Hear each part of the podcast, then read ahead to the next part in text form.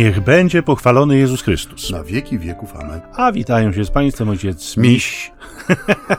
Nowak. I ojciec Miś Maciej Baron. Baron. Werbista skądinąd. Werbista. A ja Franciszkanin. A za oknem Włochaty. przysłowiowy Tadeusz W czerwonej kamizelce. czerwonej kamizelce Puchowej. kuloodpornej, puchowej. To, musieliby Państwo to zobaczyć. To naprawdę jest widok godny tego, Szkoda, że Państwo tego nie widzą. ale może ojciec Maciej zrobi zdjęcie i wrzuci Tak. na Facebooka, bo to jest rzeczywiście w związku z tym, że mamy to wielkie szczęście, że to pomieszczenie jest tak z lekka klimatyzowane, ale Tadeusz jest ciepłolubny, więc y, rzeczywiście siedzi w kamizelce zimowej i tam się dogrzewa.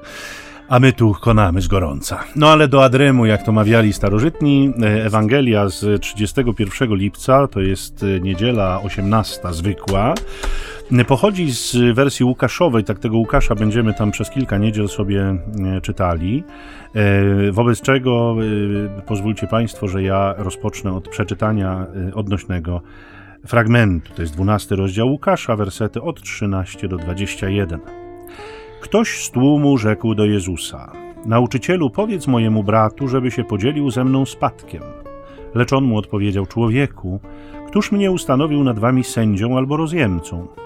Powiedział też do nich: Uważajcie i strzeżcie się wszelkiej chciwości, bo nawet gdy ktoś ma wszystkiego w nadmiarze, to życie jego nie zależy od jego mienia.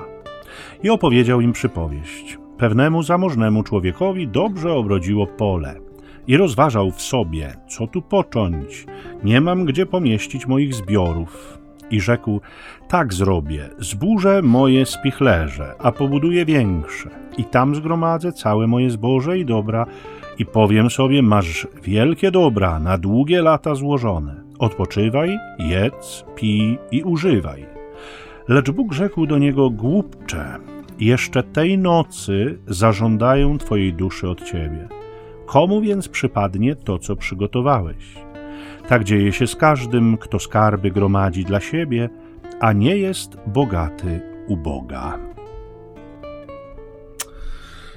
No skoro to jest wszystko, co ojciec przygotował na dziś, to Tak, ja już właściwie skończyłem, także życzę ojcu powodzenia niech ojciec nas poprowadzi. może muzyki posłuchamy z Tadeuszem, coś wybierzemy.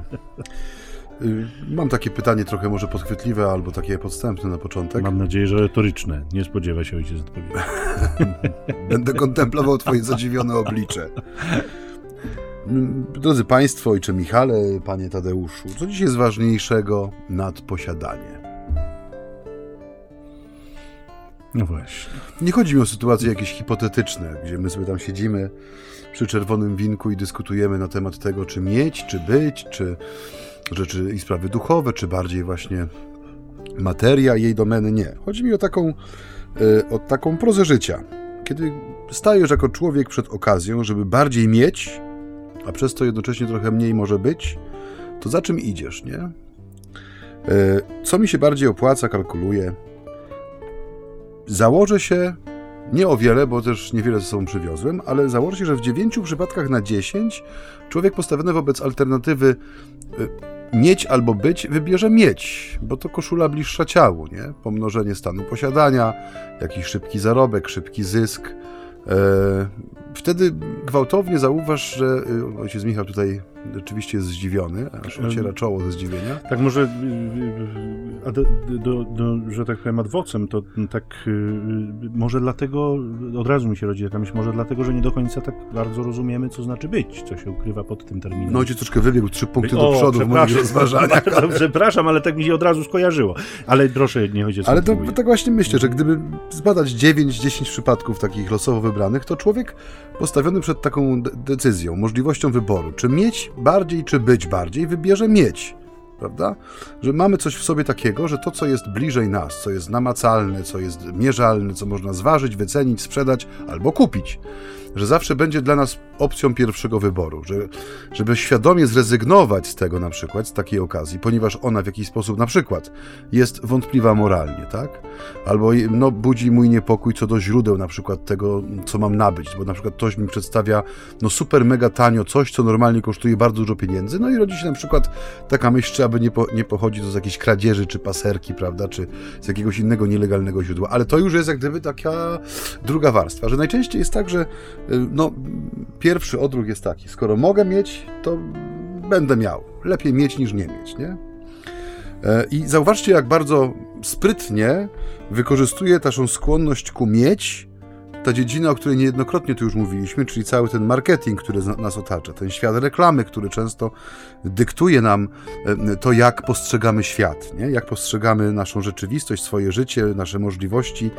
E, sam po sobie wiem, jak to e, mocno działa, bo jestem, e, niektórzy mówią, że mam taką słabość do zakupów, szczególnie książkowych, hmm. no ale coś w tym jest, że... Jesteście zakup, zakupoholikiem? Nie wiem właśnie, musiałem się zdiagnozować. Hmm. Ale jesteśmy, jesteśmy skłonni kupić kolejną rzecz, nawet jeśli nie jest nam potrzebna, tylko dlatego, że jest tańsza, bo nam się tak wydaje. Zauważ te zakupy ostatniej szansy przy kasach w dużych sklepach, tak. nie? Już masz koszyk wysypany po brzegi, wjeżdżasz w tą alejkę z kasami, wjeżdżasz w tą alejkę z kasami i nagle jawi ci się jeszcze ostatnia ostatnia szansa, żeby wydać pieniądz, tak. nie? I często jest tak, że ludzie stoją, bezwiednie wrzucają jakieś batony, pięciopaki maszynek do golenia, nie? cokolwiek tam stoi, mm-hmm. bo jest, nie? Albo na przykład jest 3 zł tańsze niż na regale sklepowym, obok którego o, przechodzili. No tak, to już wytrawnik kup, Ale ostatecznie było taniej, albo było pod mhm. ręką, więc wziąłem, nie? I dzisiejsza Ewangelia, on w tym, w tym pierwszym w tym pierwszym zdaniu, w tej pierwszej scenie, e, kiedy do Jezusa podchodzą, e, jest ten tłum i podchodzi ktoś z tłumu i mówi nauczycielu, powiedz mojemu bratu, żeby podzielił się ze mną spadkiem. Jezus odpowiada, kto mnie ustanowił nad wami sędzią albo rozjemcą, nie? I jest tutaj w tym pytaniu, w tej prośbie, która jest skierowana do nauczyciela, no pewna sugestia jakiejś niesprawiedliwości, która się dzieje, tak? Powiedz mojemu bratu, żeby podzielił się spadkiem. Czyli albo brat nie chciał się podzielić spadkiem ze swoim rodzonym bratem, albo dostał nierówną część, no albo była tam jakaś inna sytuacja, której szczegółów nie znamy, no ale w każdym razie ktoś miał mniej, i ktoś miał więcej. I ktoś przez to, że miał mniej, czuł się pokrzywdzony, e, czuł się może mniejszy, czuł się mniej ważny i stawia przed Panem ten właśnie tą prośbę na ten, a nie inny sposób, że ma rozsądzić, ma skłonić tego człowieka, który ma więcej, żeby podzielił się z tym, który ma mniej. I odpowiedź Jezusa jest, e, no, można powiedzieć, w pewien sposób paradoksalna dla dzisiejszego słuchacza, nie? Bo no, skoro przychodzą do niego i uznają jego autorytet, przynajmniej jeden z nich, no to rzeczywiście być może była szansa na to, czy zaistniała taka możliwość, żeby no faktycznie jakąś tam sytuację uzdrowić, do, doprowadzić do jakiegoś wyrównania, no żeby po tej materialnej stronie życia było bardziej sprawiedliwie, nie? żeby mieli może porówno czy bliżej równości. A Jezus odpowiada bardzo, e, bardzo można powiedzieć tak omijająco, czy wymijająco, bo mówi, e, kto mnie ustanowił nad wami sędzią albo rozjemcą że ten świat splątany przez materię, bo to jest też taki dowód na to, nie, jak bardzo te rzeczy materialne potrafią komplikować rzeczywistość, nie? Zwłaszcza jeśli ma się do nich stosunek, e, no prawie że absolutny, bo to też o tym będziemy dzisiaj troszkę mówić, znaczy ja będę o, troszkę o tym mówił. Jeśli nadajemy rzeczom materialnym znaczenie większe niż wynika z ich natury, z ich istoty, no to wtedy ta rzeczywistość rzeczywiście się komplikuje. Znaczy pojawiają się emocje, pojawiają się zranienia, pojawiają się pretensje i pojawia się to ciągłe e, poczucie takiej niesprawiedliwości nie? Ja miałem takiego znajomego, który kiedyś e, zadzwonił do mnie przy okazji świąt chyba. No i jak to po dłuższym niesłyszeniu się wymienia tam różne sytuacje, różnych ludzi, których wspólnie znamy. No i zauważyłem u niego taką tendencję do tego, że sam jeździ no dosyć dobrym samochodem, ale już nieco wiekowym i jest bacznym obserwatorem tego, co pojawia się na podjazdach sąsiadów w naszej okolicy. I on cały czas prowadzi wewnętrzne dochodzenie, skąd oni mają, nie?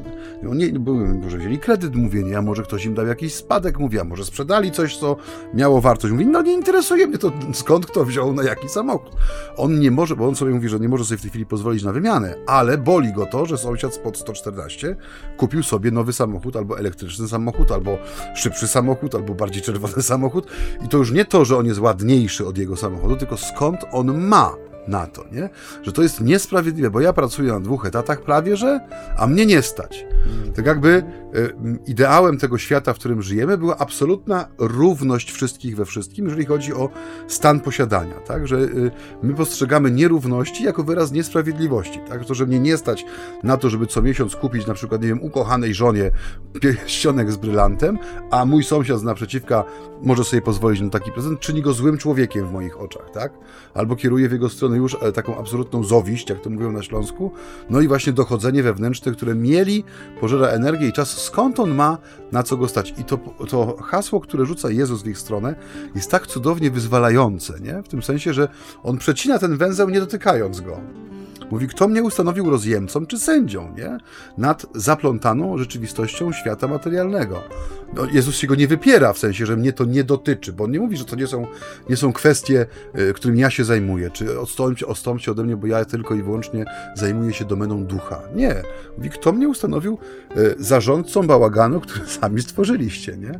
I to jest rzeczywiście wyzwalające, bo uświadamiasz sobie, że ten świat y, dóbr materialnych, on niesie w sobie tak wielki potencjał duchowy, paradoksalnie, w sensie nie tyle wartości duchowych, ile możliwości spętania duszy człowieka, że jest to w pewien sposób przerażające nie? Tak, to ta niesprawiedliwość, o której mówisz, ona też zwróciła moją uwagę, to znaczy sugerowana niesprawiedliwość przez tego człowieka, który przychodzi e, prosić o interwencję. E, I w związku z tym e, bardzo mnie zaskoczyła taka, powiedziałbym, mocno alergiczna odpowiedź Jezusa na tę na te rzeczywistość, bo e, no, jak to ze spadkami bywa, gdy nie ma jednego spadkobiercy, tylko jest ich więcej, no to muszą istnieć jakieś zasady podziału. W prawie też je mamy y, świeckim, nie? Nawet jeśli wolą spadkobiercy jest coś tam ofiarować jednemu, tylko pominąć jakoś drugiego, no to siłą rzeczy tam jakiś drobny zachowek, czy jakkolwiek byśmy tego nie nazwali, e, mu przysługuje, więc y, siłą rzeczy być może ten zupełnie pominięty, e, mimo oczywiście pewnie dużych różnic w prawie ówczesnym wobec naszego obecnego, no mógł się czuć w jakiś tam sposób sposób e, skrzywdzony, zraniony, dotknięty i szukał popleczników. Myślę sobie, że to jest jeden z mm, e, tych e, alergenów, który tak mocno zadziałał na Jezusa też, bo e, myślę, że e, rzeczą, której najmniej by pragnął nasz Pan w tym kontekście, było eskalowanie napięcia między tymi dwoma braćmi. Tu z całą pewnością o to chodzi również, żeby nie napinać tej sytuacji bardziej, a wydaje się, że, że jest trochę tak, jakby każda ze stron, przy, przynajmniej jedna, no bo drugiej nie, nie znamy, o drugiej nie słyszymy, ale mogłoby tak przecież być, że jakby każda ze stron szuka swoich protektorów, szuka autorytetów dla poparcia swojej tezy i y, y, moglibyśmy się pokusić o pewną wycieczkę taką y, wyobrażeniową, że być może uważano, że wygra ten, który będzie miał silniejszych tych protektorów, czy będzie miał za sobą silniejsze autorytety, jemu zostanie przyznana racja. Natomiast y, Jezus absolutnie y, tego nie planuje i w żadnym, w żadnym wypadku nie chce tak zadziałać. Zresztą my, drodzy Państwo, już o tym wspominaliśmy kiedyś, że my jakby nieustannie słyszymy o tych dramatach, które w takim kontekście się dokonują, w rodzinach, wśród znajomych, krewnych, przyjaciół, jak bardzo pieniądz, a w szczególnym wydaniu właśnie spadek potrafi podzielić ludzi, jak potrafi wprowadzić jakby nienawiść taką wręcz wprost, jawną wobec tych, którzy coś dostali, a, tych, którzy, a, a, a tymi, którzy nie dostali, między tymi, którzy się spodziewali, a tymi, którzy się nie spodziewali, a tymi, którzy rzekomo zawłaszczyli, a tymi, którzy zostali wybrani, a ci pomagali, a ci nie pomagali, mamusią się opiekowali, a tamci nie.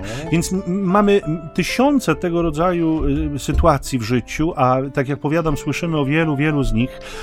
Natomiast y, y, widzimy wyraźnie, że jakby ludzie są skłonni zrezygnować z rzeczy naprawdę ważnych dla relatywnie bardzo niskich zysków. Nie? Czasem są to naprawdę kwoty rzędu paru tysięcy, ale poczucie niesprawiedliwości jest tak ogromne, że rodzina się rozpada, że absolutnie ludzie nie chcą mieć ze sobą e, nic wspólnego.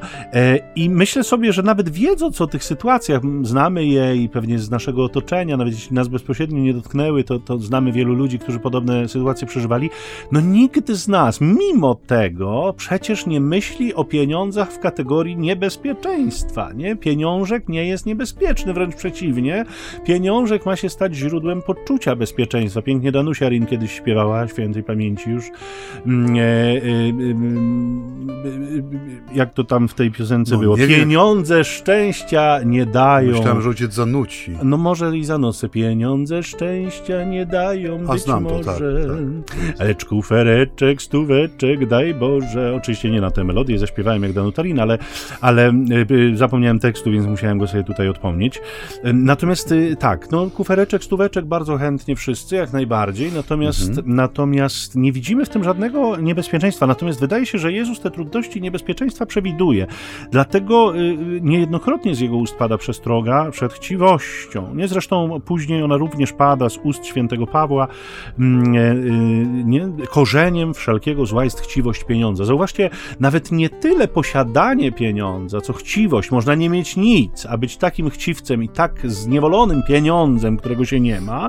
Trochę w perspektywie tego kolegi, o którym wspominałeś, e, który jakby niczym pies ogrodnika sam sobie nie pozwoli, nie może, ale innym by zabrał, bo niesprawiedliwym jest, że inni mają, mają podczas gdy on nie może. Natomiast y, rzeczywiście y, ta y, Jezusowa reakcja pokazuje nam pewne niebezpieczeństwo. Oczywiście tych motywów tam pewnie jest trochę więcej. Ja myślę, że chodzi też o to, że, że jakby zależy mu na tym, żeby ta jego misja jednak nie, nie, nie ugrzęzła w, w tej ziemskiej perspektywie, w tego rodzaju sporach, nie? dlatego że to wszystko szkodzi sprawie Ewangelii.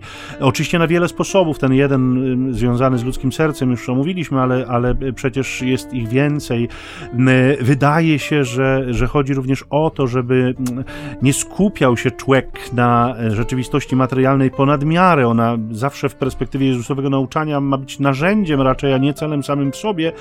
No i jeszcze może taka pokusa która też pobrzmiewa w, tym, w tej prośbie, e, mianowicie takiego Mesjasza na miarę ludzkich oczekiwań, ale w perspektywie takiego Supermana, powiedziałbym, nie? Supermanie, potrzebujemy, żebyś zadziałał tutaj między mną a moim bratem, bo nie chcesz ze mną podzielić spadkiem.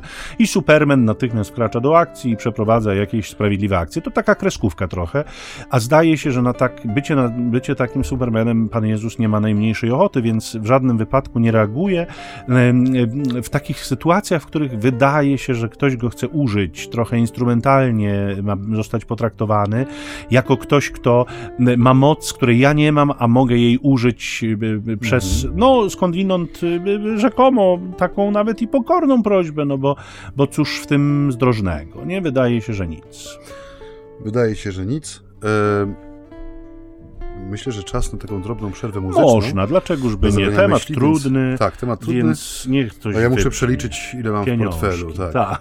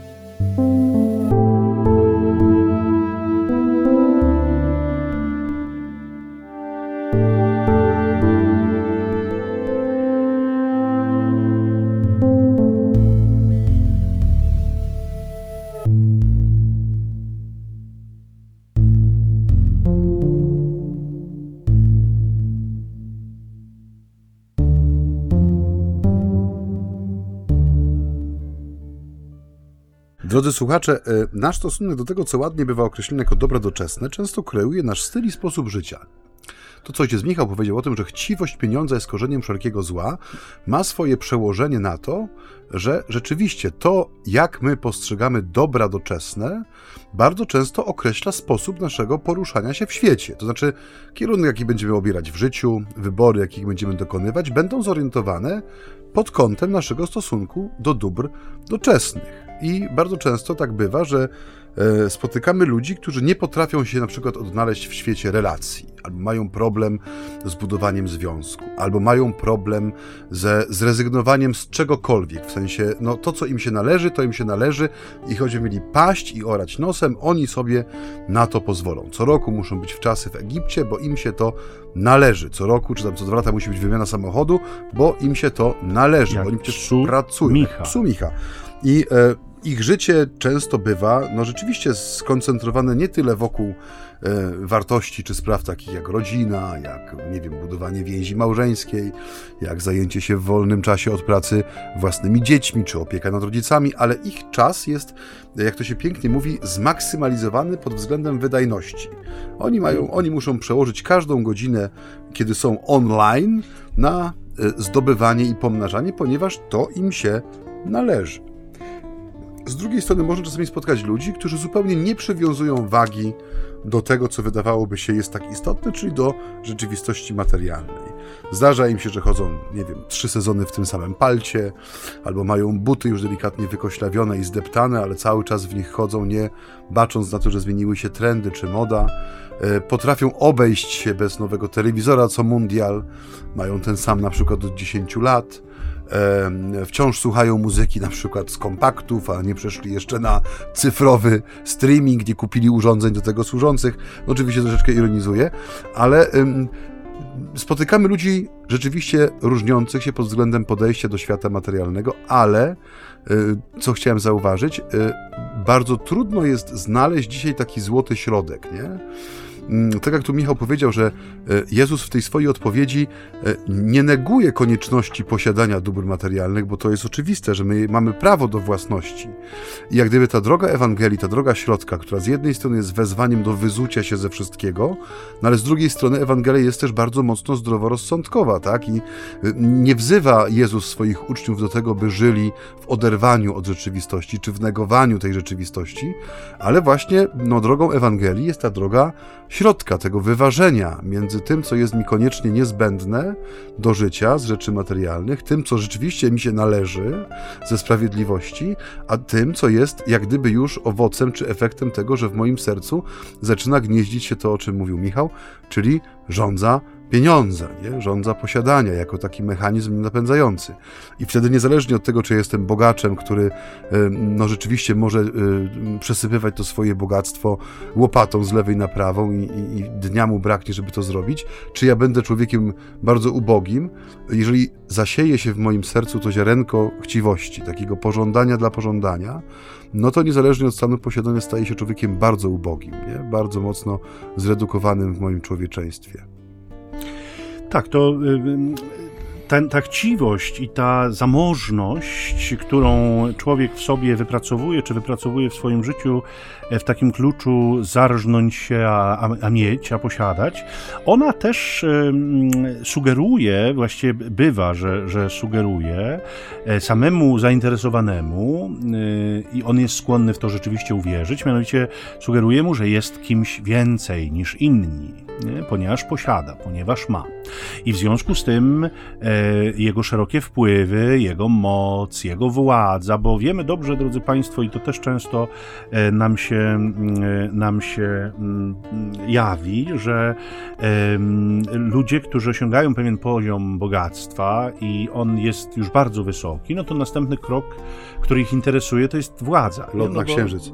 No, lot na księżyc średnio, ale, ale władza, e, która jest wtedy czymś atrakcyjnym i, i w jakiś sposób pożądanym, mm, e, co niejednokrotnie wiąże się też z pogardą dla innych. No, mieliśmy jakiś czas temu, parę tygodni temu, bo jesteśmy 31 lipca w tej chwili na antenie, ale, ale parę tygodni temu była wielka burza medialna wobec e, jednego pana, e, zamożnego biznesmena, który tak z dosyć dużą pogardą na temat jedzenia mięsa przez tak. niższe warstwy się, się Przez mniej rozwiniętych ludzi, tak. się wypowiadał. No, rozbawiło mnie to niezwykle. Ja bardzo mało oglądam, trochę tam czytam w internecie, ale też mało. Głównie mam, nagłówki. Tak, głównie nagłówki, bo mam dużo roboty innej, ciekawszej. No ale y, to się tak szerokim echem odbiło, że, że nie sposób było się na to nie natknąć gdzieś tam po drodze, więc było to przezabawne, bo no cóż, mój Boże, nie, nie zgrzeszył Pan ani inteligencją, ani jakimś kulturą osobistą, no niczym z tych cech, które warto by posiadać.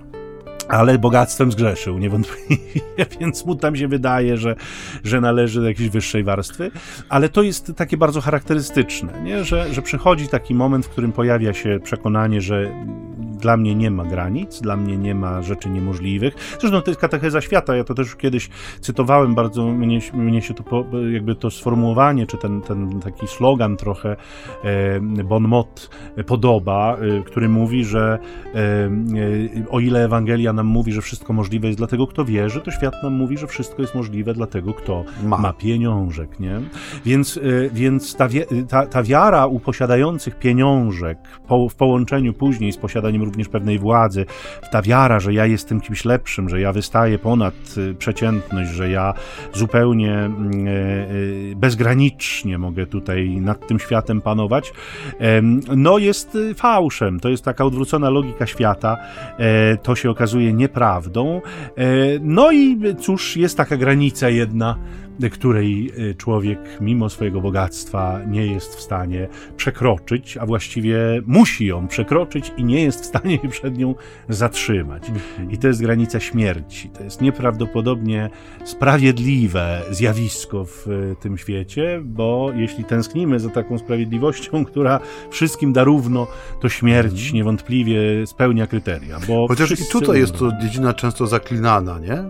Zauważ, że Y, y, bardzo często można spotkać jakieś takie, no właśnie, głównie przez te, arty, przez te media, które dają takie krzykliwe nagłówki, ale można spotkać się z jakimiś artykułami, które mówią na przykład o przygotowaniach do własnego pogrzebu osób niezwykle zamożnych, nie? że ktoś tam wykupił sobie jakąś wyspę gdzieś na jakimś jeziorze, gdzie jest zbudowany jakiś no, piękny sarkofag, czy jakiś grobowiec, e, w którym będą e, figury no, w skali 1 do 1 zmarłego, który, nie wiem, gra w golfa, płynie kajakiem, z głośników będzie płynął jego głos, żeby go uwiecznić po prostu, żeby był zawsze wśród nas, nie? -hmm. Teraz na przykład, tak. tak, teraz można na przykład za jakieś tam pieniążki nagrać głos swój czy ukochanej osoby i uczynić go głosem tych e, asystentów głosowych, które często teraz można kupić, nie? W sensie taki głośniczek, który stoi w kuchni i my na przykład mówimy nie Siri, wiem, włącz Siri, światło. włącz światło, a ona odpowiada głosem naszej zmarłej babci, że o. przecież w przedpokoju już się świeci, tak? No właśnie. E, Oszczędzaj durniu pieniądze. Oszczędzaj durniu pieniądze, bo ci więcej nie dam.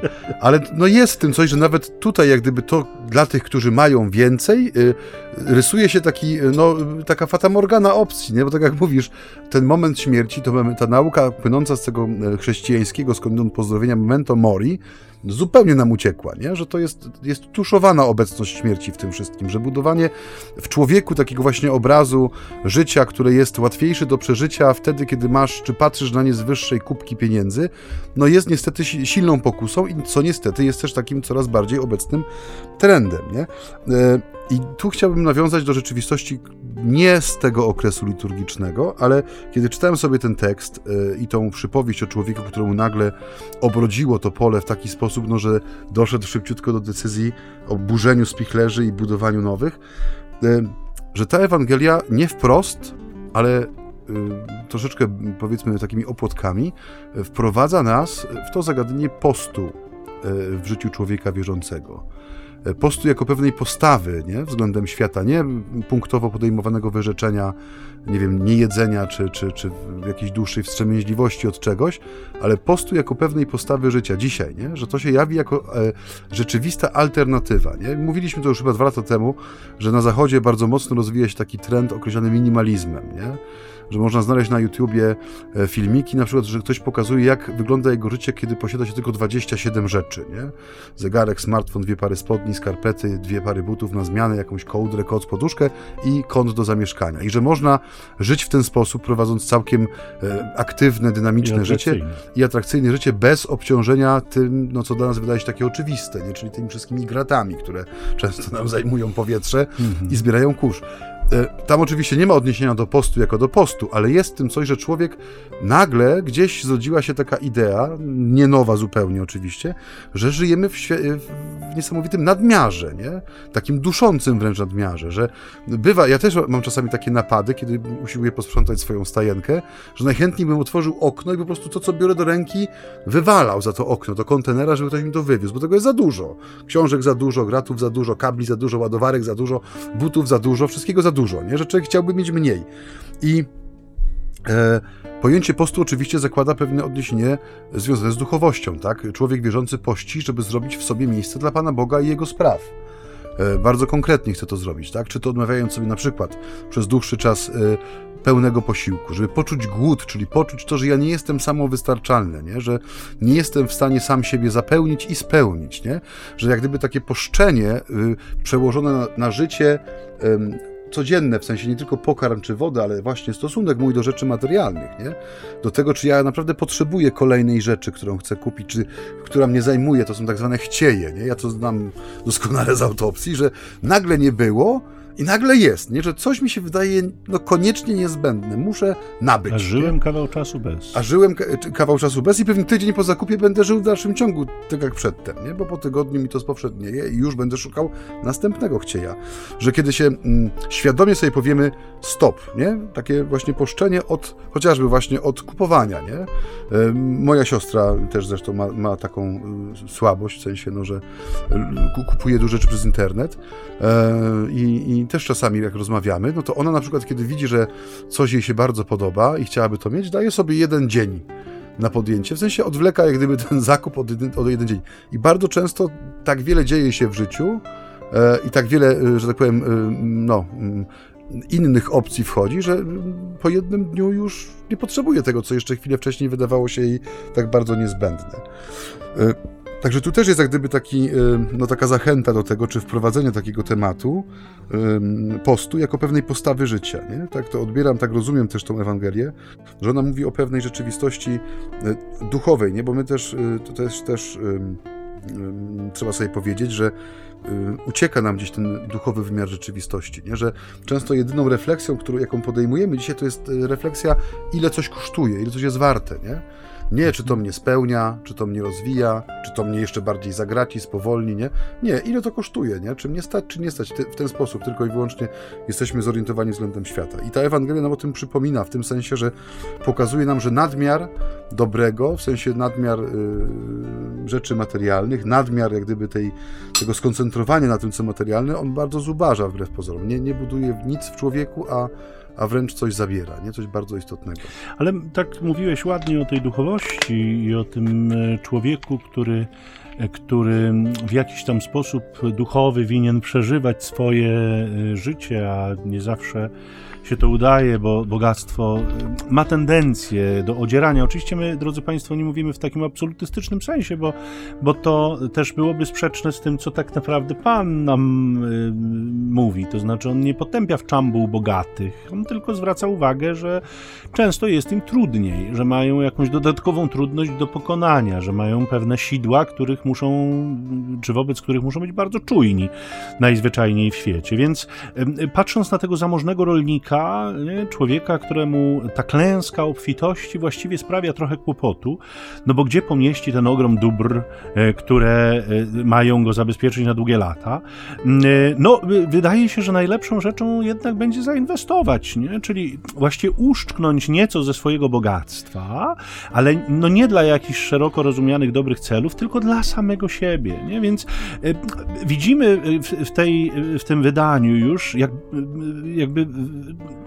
że ten człowiek jest jakoś wewnętrznie zatruty. Nie? To znaczy, już wydaje mu się, że ta zamożność da mu poczucie bezpieczeństwa, a ona, y, no owszem, oddzieli go od wielu innych, od sfery biedy, ale szczęścia mu nie zagwarantuje. Zobaczcie, tam padają te słowa, moje spichlerze, moje zboże. Nie, ten człowiek tak naprawdę już jest sam. Nie? Ten, ten człowiek jest jakby tak. wewnątrz swojego bogactwa. Ono go pochłonęło całkowicie. Nie? On nie ma ani czasu, ani siły, żeby żyć. I myślę sobie, że to jest niesłychanie czytelny obraz na dziś. Nie?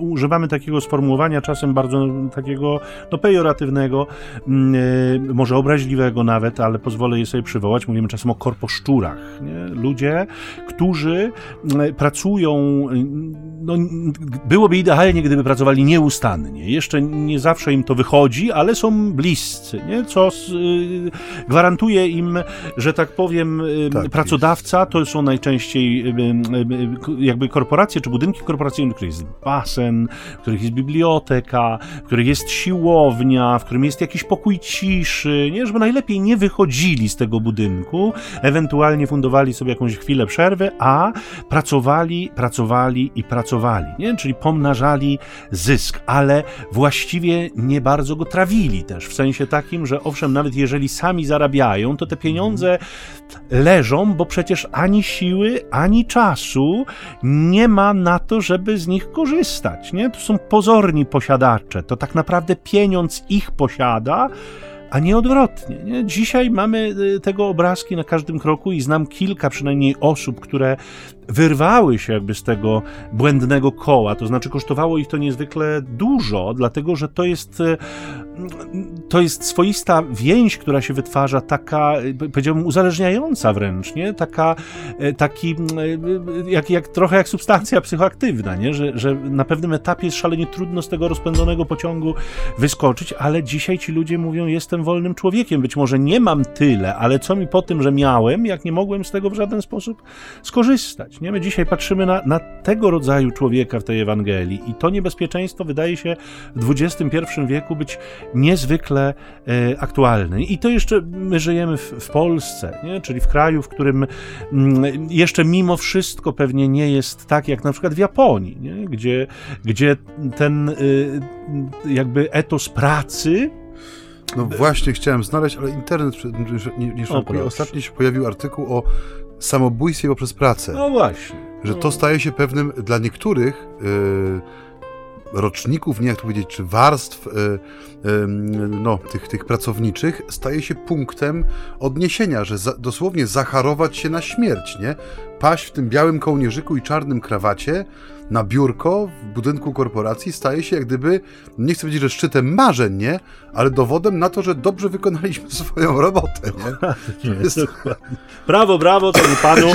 No, panu. Przeżył swoje życie naprawdę nie, tak owocnie. No. Przepraszam, się rozkaszczałem, ale no tak. Tak, to jest... już skończył swoją e, myśl? Tak, tę myśl tak, zdecydowanie tak, bo znaczy, no, tu pewnie czas powoli e, tak nas goni też, ale czas powoli na ocenę Boga, nie? Tego, tego faktu tak. i tego zjawiska, bo ona tam jest wyrażona, powiedzmy, w taki sposób bardzo obcesowy i bezceremonialny, nie? Pan Bóg tu pieszczot nie uprawia duchowo. Nie. No nie, no mówi głupcze do takiego człowieka. Mhm. Znaczy, tu jest jeszcze jedno, jedna rzecz, o której, która nawiązuje do tego, co mówisz, że ten człowiek jest sam, nie? Moje pole, moje zboże, moje mhm. spichlerze. E, człowiekowi z powieści obrodziło pole, nie? Jeżeli nie wiem, czy masz jakiegoś rolnika w rodzinie.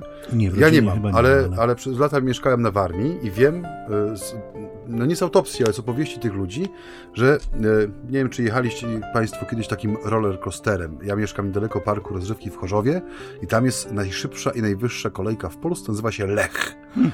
I on, przejazd trwa minutę, nawet chyba nie całą. Jest kupa wrzasku, pisku, bo tam są te obroty o 180 stopni. Mniej więcej tak wygląda dzisiaj życie rolnika. Nie? Że y, to, co nam się wydaje takim, no nie wiem, stabilnym życiem, prawda, że rano wstajesz, otwierasz oczy, e, wychodzisz na swoje pole, patrzysz, czy ci wzeszło, idziesz, nie wiem, wydoić krowy, pozbierać jajka od kur i tak codziennie, aż do znudzenia, nie ma nic wspólnego z rzeczywistością, nie? Że kiedy rolnik zbiera plon, który jest obfity, naprawdę w jego sercu jest wdzięczność, bo on e, co najwyżej zadbał o to, żeby umożliwić rozpoczęcie procesu, przygotował ziemię, nawiózł ją odpowiednio, tak? A na wszystko inne nie ma absolutnie żadnego wpływu. Nie ma wpływu na to, czy nad jego dopiero co wschodzącą kukurydzą, na przykład w, na 35 hektarach, nie przejdzie potężna gradowa burza, która nie zostawi z niej nic, nie? Albo czy jego szklarnie za miliony złotych, w których dorastają świetne, zdrowe, dojrzałe już prawie pomidory, też nie zostaną przez taką burzę zmiecione, nie? Więc tutaj jest ten element, no po ludzku mówimy, szczęścia czy fortuny, nie? Ale y, też pewnej, y, no tego, że to, nie, nie, na, nie wszystko jest tutaj zasłużone, nie? część pracy, którą wkładasz w to, to, co powinieneś zrobić, no oczywiście jest twoim wkładem, ale wszystko inne jest powiedzmy darem, e, no, który no, jest bardzo kruchy, nie? Ten, ten, to pole, które obradza, to nie jest norma, to nie jest pewność, że wysypałem z rękawa i tu zbiorę 10 worów z tego. No nie, bo możesz zebrać nic. Albo zgnite zboże, nie? Albo zarażone jakąś, jakąś zarazą, nie? Albo jakimś robactwem. I w tej Ewangelii zauważ, że nie ma ani krztyny wdzięczności, nie? Że im obrodziło mega pole. Tu nie ma zwrotu, nie? Że hmm, dzięki moim pracownikom czy robotnikom, którzy tyrali za mnie, kiedy ja mogłem tutaj przeliczać dukaty. Nie ma też odniesienia do rzeczywistości wyższej, że dzięki Bogu oszczędził nas w tym roku. Była woda, było słońce w odpowiedniej proporcji i wszystko mi obrodziło właśnie. Dzięki temu mogę się cieszyć tym dobrobytem. Czyli zanika w ogóle w tym tutaj ujęciu rzeczywistości. Nie ma tej dynamiki e, dawcy i daru, która bardzo mocno reguluje taki wewnętrzny żyroskop, kiedy uświadamiamy sobie, że wszystko, co mamy w życiu jest darem, nie? a dar ma swojego dawcę. I według tego nie dar jest jak gdyby najważniejszy, tylko moja relacja do dawcy, tak? Pan dał i Pan zabrał, ale to Pan jest w środku, nie? Jeżeli to znika, no to my będziemy przeklinać rzeczywistość, kiedy pójdzie nie po naszej myśli. Nie? Człowiek ten, gdyby mu nie obrodziło to pola, został z tymi pobu po, po, poburzonymi spichlerzami, to byłby człowiekiem pewnie rozpaczy i zawiści. Nie?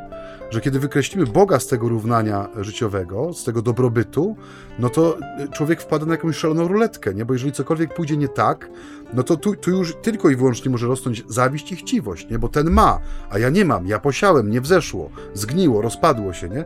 I to jest też, e, jak gdyby tu, przez tą nieobecność Pana Boga, on bardzo mocno mówi o sobie tutaj, nie? przez ten fragment ewangeliczny. Hmm. Znaczy pe pe pewną nieobecność, w tym sensie, że jest to przypowieść. Tak, tak i to, to y, ta ingerencja Boga poprzez śmierć, poprzez wysyłkę tej, która jest nieubłagana i której zaproszenie jest nieodwołalne, y, to określenie tego człowieka głupcze, y, no ono oznacza, że on jakby nie wziął wszystkich przesłanek pod uwagę. Nie? On patrzył na całość rzeczywistości przez tylko pewien jej wycinek. Nie? Przecież nawet przez myśl mu nie przechodziło, że mógłby zachorować, nie? umrzeć, czy w jakikolwiek inny sposób cokolwiek stracić. On był na fali, on miał, on się czuł niezniszczalny. I tutaj oczywiście w tej przypowieści, drodzy Państwo, jest mowa o wielkich bogactwach, ale ale rzecz tyczy tego wszystkiego, co jest utracalne, a co my mamy tendencję absolutyzować. Warto wspomnieć, tak mi przyszło do głowy, kiedy sobie siedziałem nad tym tekstem, y, przypadek Jonasza. Pamiętacie, tam było drzewo, któremu dawało cień. Tak. Jedno drzewo, które y, Bóg mówi, nie siałeś go, nie uprawiałeś, nie? Jednej nocy wzeszło, drugiej uschło przez jakiegoś robaczka, nie? A ty się złościsz... Jeden z moich ulubionych bohaterów. No, złościsz się, denerwujesz, nie? Y, masz pretensje do mnie i całego świata, że ci drzewo uschło. Jeden, jeden przedmiot, nie? Czyli no, żywa tam istota, no bo to żywe, roślina, która, która po prostu, którą absolutyzował, bo było gorąco, był żar, jemu to było potrzebne, niezbędne, czuje się rozżalony, czuje się y, oszukany wręcz, nie? Więc tak naprawdę, drodzy, wszystko może stać się sidłem i wszystko może nam odebrać wolność. Nie? To może być człowiek, to może być relacja, rzecz, doświadczenie, przeżycie, emocja. Nie? Wszystko może nas od siebie uzależnić i wszystko może nas zamknąć na świat. Nie? A w sytuacji utraty także tej ostatecznej, związanej z naszą własną śmiercią. Nie? My zostajemy na lodzie, więc jakie jest rozwiązanie? Bo Pan nam daje rozwiązanie na tę sytuację i to jest chyba najważniejsze. Nie? E, e, być bogatym u Boga. Innymi słowy, on jest najlepszy bankierem. Dlaczego? Dlatego, że w nim niczego nie tracimy, ponieważ on jest najsprawiedliwszy, żeby odwołać się do początku naszej audycji, i jego jest wszystko. Więc tak naprawdę on nam niczego nie zazdrości, on nas niczego nie pozbawi, on niczego nie zawłaszczy, on niczego nam nie ukradnie. Bogactwo ziemskie za nami nie pospieszy. Natomiast to bogactwo, które zgromadzimy sobie w niebie, zgromadzimy sobie mm, e, u Niego, e, to jest bogactwo trwałe. To jest bogactwo, którego ani mula, ani rdza nie niszczy. Będziemy o tym mówić jeszcze, o tym, co to, to niebo, bo, bo dzisiaj to trochę obciach o niebie w ogóle mówić, ale to jeszcze za tydzień albo za dwa Ewangelie nas do tego pewnie sprowokują. Ale y, bardzo jasno nam Pan mówi: Ja jestem bogactwem, ja mhm. jestem tym, w którego warto inwestować, bo ja nie przemijam, ja nie zawodzę. Y, mnie nikt tobie nie ukradnie, mnie nie y, zniszczą, mnie nie strawi pożar, mnie nie zaleje woda.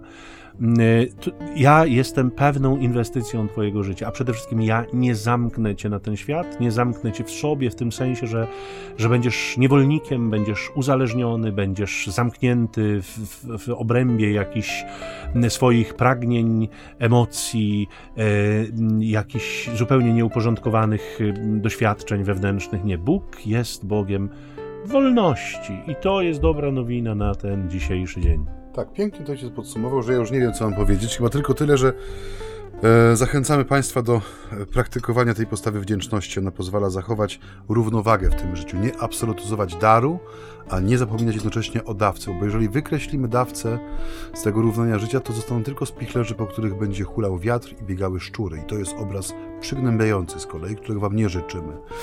Na ten e, miejmy nadzieję, wciąż e, ciepły, letni, wakacyjny czas pełen nowych ścieżek, może nowych odkryć, może nowych miejsc spotkania e, z samym sobą i z Panem Bogiem, bo tego też w wakacjach i w tym czasie odpoczynku nam bardzo potrzeba.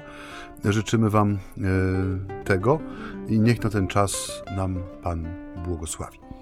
Pan z wami. I z duchem Twoim. Niech was błogosławi Bóg Wszechmogący, Ojciec i Syn i Duch Święty. Amen. Trwajcie w pokoju Chrystusa. Bogu niech będą dzięki. Pokój dobro, drodzy Państwo, do usłyszenia. Ojciec Michał Nowak, Franciszkanin. I do widzenia się z Państwem ojciec Maciej Baron Werbista.